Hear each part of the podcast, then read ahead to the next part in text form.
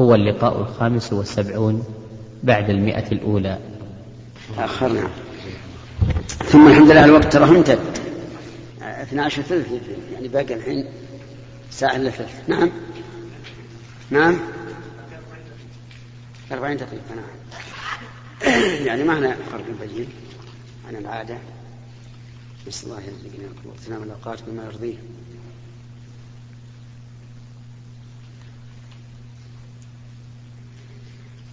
استغفر الله واتوب إليه لا حول ولا قوة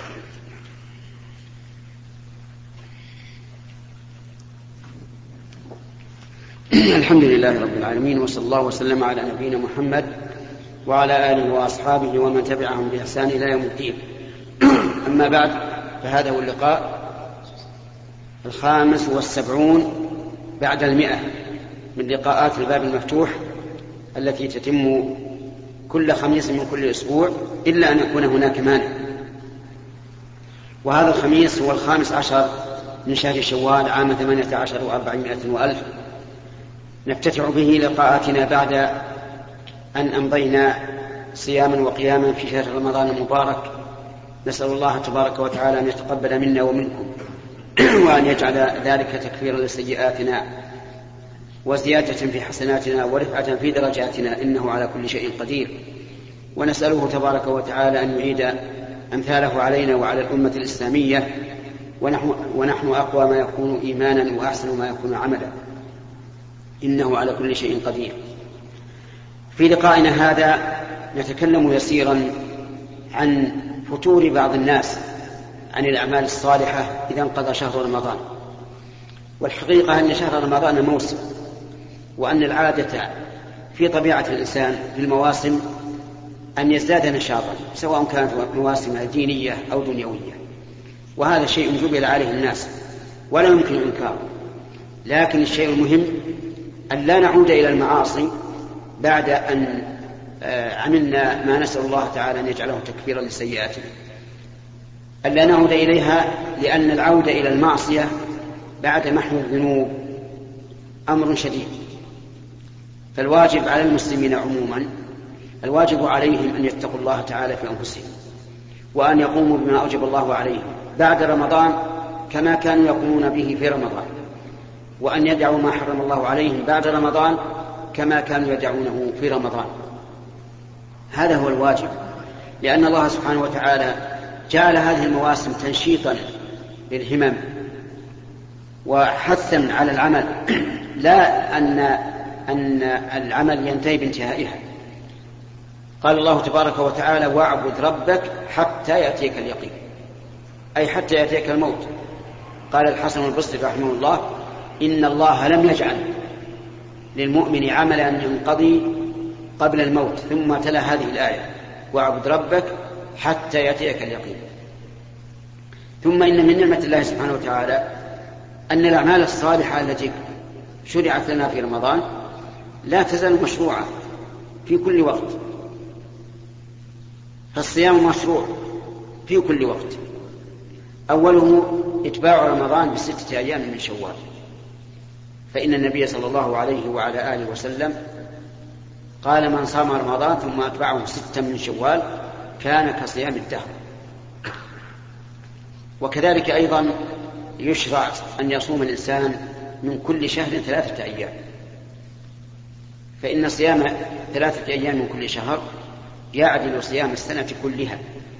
قال النبي صلى الله عليه وعلى آله وسلم صوم ثلاثة أيام من كل شهر صوم الدهر كله. وكذلك صيام أيام البيض خاصة وهي الثالثة عشر والرابعة عشر والخامسة عشر من كل شهر. وصيام كذلك صيام الاثنين والخميس من كل أسبوع.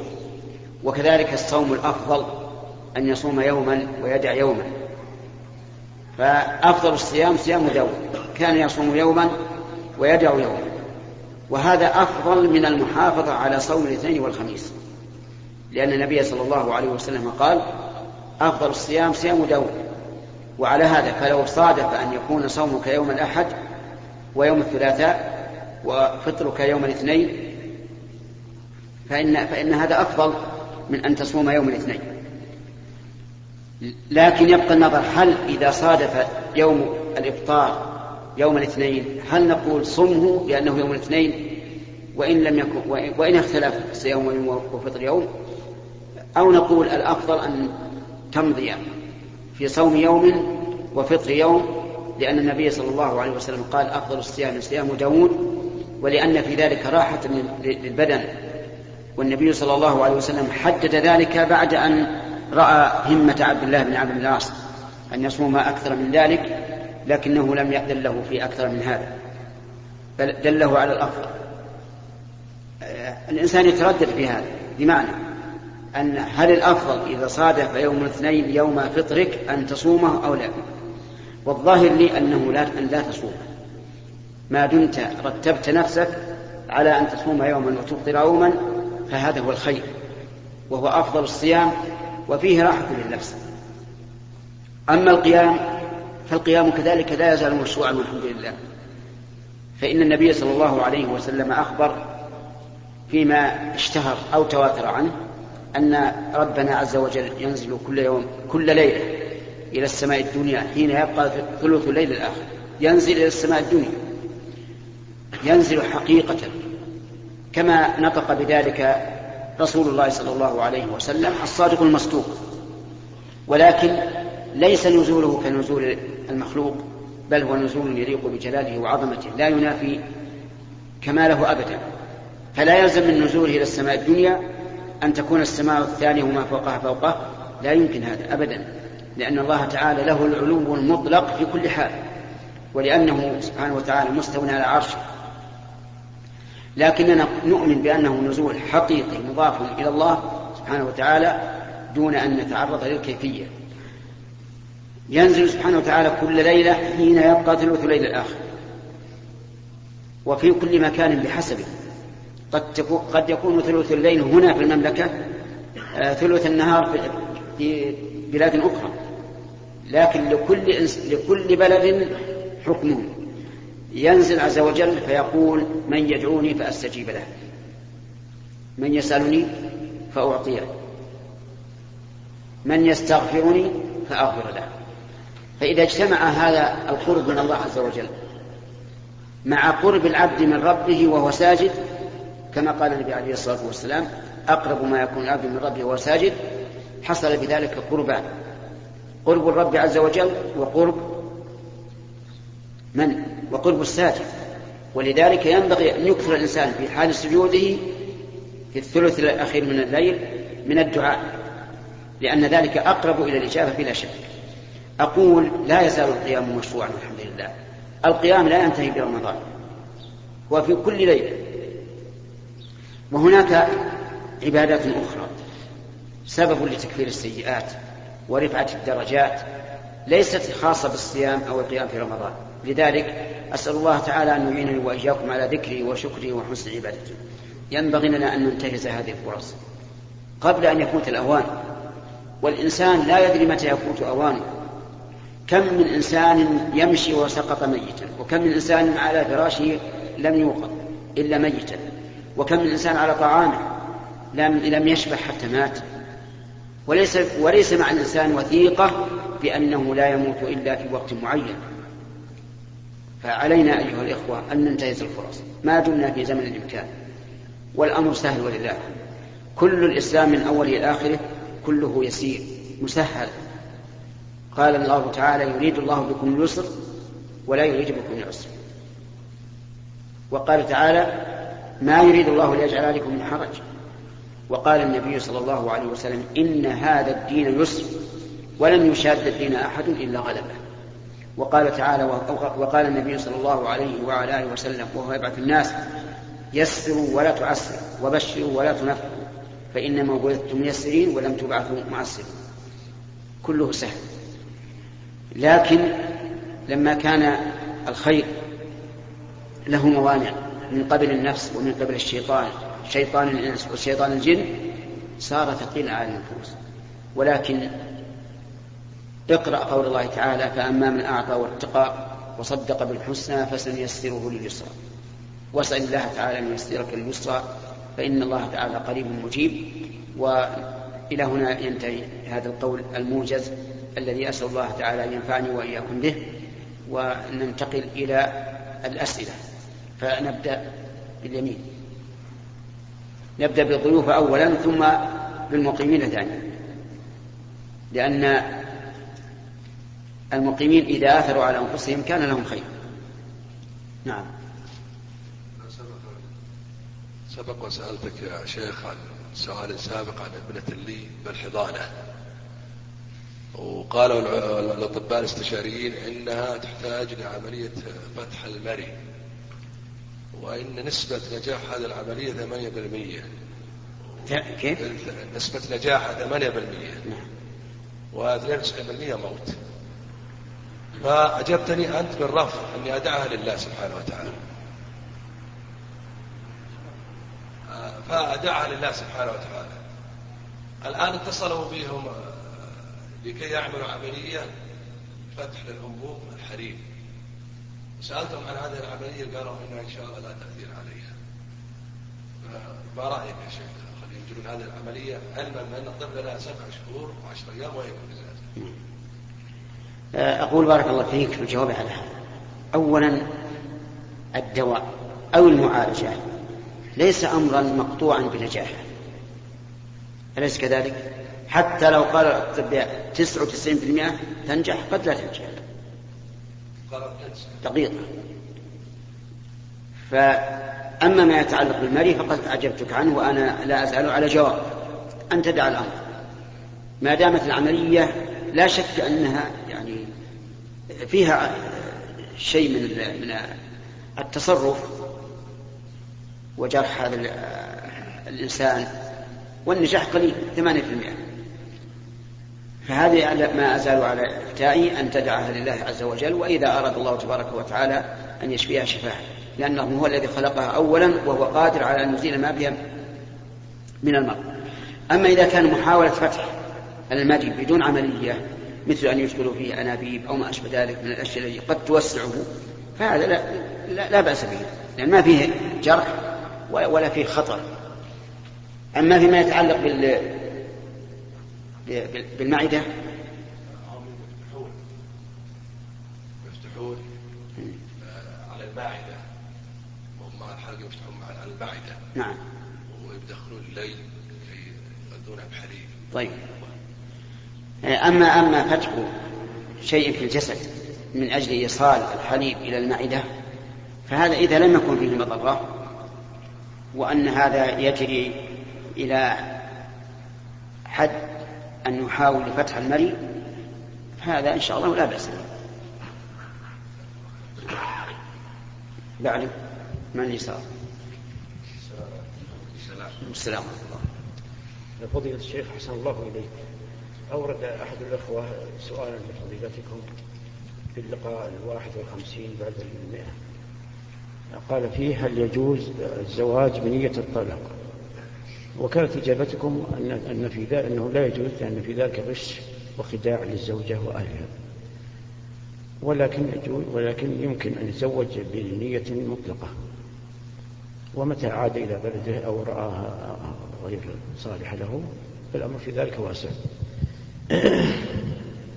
ولكن نرى أن بعض من الناس الآن ينشئ سفرا من بلده للسياحة ويذهب إلى خارج البلاد.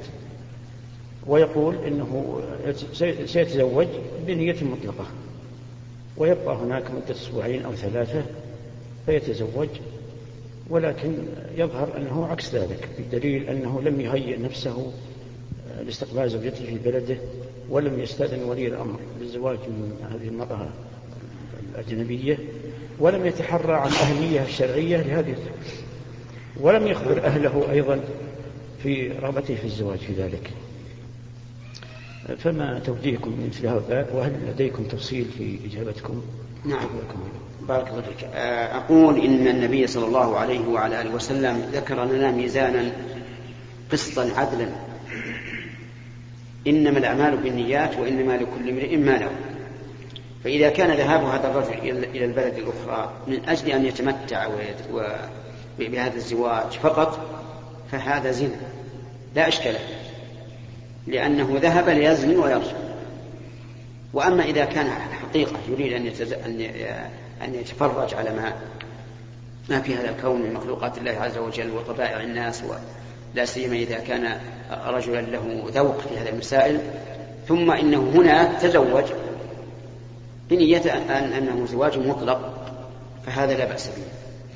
وقد بلغني مع الأسف أن بعض الناس الآن بعض الشباب الذي ليس على استقامة حميدة يذهب إلى البلاد الأخرى ليتزوج بنية الطلاق. وهذا كما قلت لك أولا هذا زنا لا إشكال فيه. وينبغي أننا حتى لو قلنا بجواز تزوج الإنسان المسافر الغريب بنية الطلاق لو قلنا به لا ينبغي أن, أن, أن نفتي به فتوى عامة. من أجل منع هذا المحذور وهو أن يسافر من أجل أن أن يتزوج. والعلماء رحمهم الله الذين حكوا الخلاف في هذه المسألة قالوا إن هذا فرض هذا في غريب تغرب لغير هذا لغير النكاح إما لتجارة أو طلب علم أو أو ما أشبه ذلك. قالوا فإذا اشتدت عليه العزوبة فلا بأس أن يتزوج بنية الطلاق.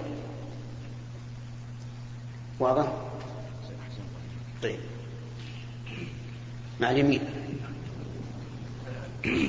رجل عنده مزرعة فيها نخيل وتنتج تريع عليه في السنة مرة واحدة.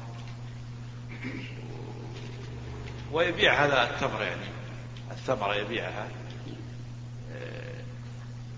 فكيف يزكيها؟ لكن هناك نقطة أنها زراعة هذه النخيل ربما تكلف أكثر من قيمة ثمنها في المكائن والعمال والكهرباء وغير ذلك. فما القول فيها؟ نعم. أولا نقول إذا صح ما ذكرت من أن تكلفة هذه المزرعة أكثر من إنتاجها فلنسأل هل الإنسان يتوقع أن زيادة النفقة ستستمر؟ أو لأنه في إنشائه وبدايته تكون أكثر. إن كان الأول فإننا نرى أن لا يستمر. دقيقة اصبر يا أخي اصبر يا أخي. إن كان الأول فنرى أنه لا لا يستمر. لأن استمراره في هذه الحال يعني إضاعة المال. والنبي صلى الله عليه وسلم نهى عن إضاعة المال. أما إذا كان يرجو فيما بعد أن يكون الإنتاج أكثر من الإنفاق فليستمر. لأن كل شيء في بدايته يكون صعبا ويحتاج إلى نفقات كثيرة ثم إذا استقر صار الإنتاج أكثر. فحينئذ نقول استمر. وعليك أن تزكي. حتى وإن كان ما أنفقته على هذه المزرعة أكثر من الإنتاج بأضعاف مضاعفة عليك أن تزكي الثمر لأن النبي صلى الله عليه وعلى آله وسلم كان يرسل السعاة ليقبضوا الزكاة من أصحاب المواشي وأصحاب الثمار دون أن يسألهم هل عليكم ديون تقابل هذا أو لا. ولأن حاجة الفقير وطمع الفقير يتعلق بما يشاهد ويظهر فلا يمكن أن تمنع الزكاة. فعليه الزكاة. كيف يزكي؟ نقول أولا زكي هذا الثمر زكاة ثمار والواجب في زكاة الثمار إما العشر إن كان يسقى بلا مؤونة وإما نصف العشر. فإذا زكيت هذا عند جذاذه أو حصاده وأخذت الدراهم. فزكي هذه الدراهم إذا حال عليها الحول زكها زكاة الدراهم. ويكون فيها كم؟ أسألك. الدراهم كم فيها؟ ربع العشر هكذا. إيه؟ لكن هو النقطة الثانية أنه قديم يعني بحوالي 15 سنة. لكن ليس دائما الفرضية هذه أحيانا يربح قليلا وأحيانا يتقابل يعني. ليس ليس لنا تعلق في ربح أو خسارة. هذه ثمار أخرجها الله لك وقد قال الله تعالى يا أيها الذين آمنوا أنفقوا من طيبات ما كسبتم ومما أخرجنا لكم من الأرض. فليزكي. فإذا قال أنا لا أدري أنا ما أنا لم أزكي فيما مضى ولا أدري. نقول أمر واسع الحمد لله. تحر. تحر.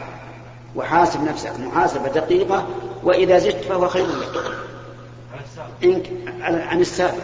إن كان إن كان واجبا عليك فقد أديته وإن كان زائدا على الواجب فهو خير. نعم. نساء قضية الشيخ صلى الله وسعكم جميعا وأحسن الله إليك. رجل مت... نعم. رجل متزوج بامرأة منذ ثلاثين سنة وله منها بنين وبنات. ومنذ خمس سنوات تدخل إخوتها في حياتهما الزوجية فخببوها على على زوجها حتى خرجت عن طاعته وانقطعت عن معاشرته. الزوجية حتى أنها صارت تحتجب عنه ولا تظهر عليه ولا تكلمه وحاول أهل الخير استجلاء السبب منها فكان جوابها أن هذا أمر خاص بها وبقيت منفصلة عنه حتى الآن. فبماذا تنصحها لعل الله أن يهديها؟ حفظكم الله وجزاكم الله خير. أولا أرجو أن لا أكون ما أن لا يكون ما سمعته حقيقة من أن إخوانها خببوها على زوجها لأن تخبيب المرأة على زوجها من أكبر الآثام والعياذ بالله. وصاحبه معرض لمقت الله وغضب الله. فالواجب عليهم إن كان حقا أن يتوبوا إلى الله وأن يحببوا المرأة إلى زوجها بدلا من أن يخببوها عليه وينصحوها ويذكرون محاسن الزوج ويبين لها عقوبة المرأة إذا نشزت هذا أولا. ثانيا بالنسبة للمرأة أنصحها أن تعود إلى زوجها وإلى طاعته وأبلغها ما قال النبي صلى الله عليه وسلم. إذا دعا الرجل امرأته إلى فراشه فأبت أن تجيء لعنتها الملائكة حتى تصبح. وكان الذي في السماء عليها ساخطا فلترجع إلى زوجها. ولتدخل بيت الطاعة. أما بالنسبة لزوجها فلا أدري هل هناك سبب منه يقتضي أن تنفر منه أو لا؟ من فضلك اقلب الشريط.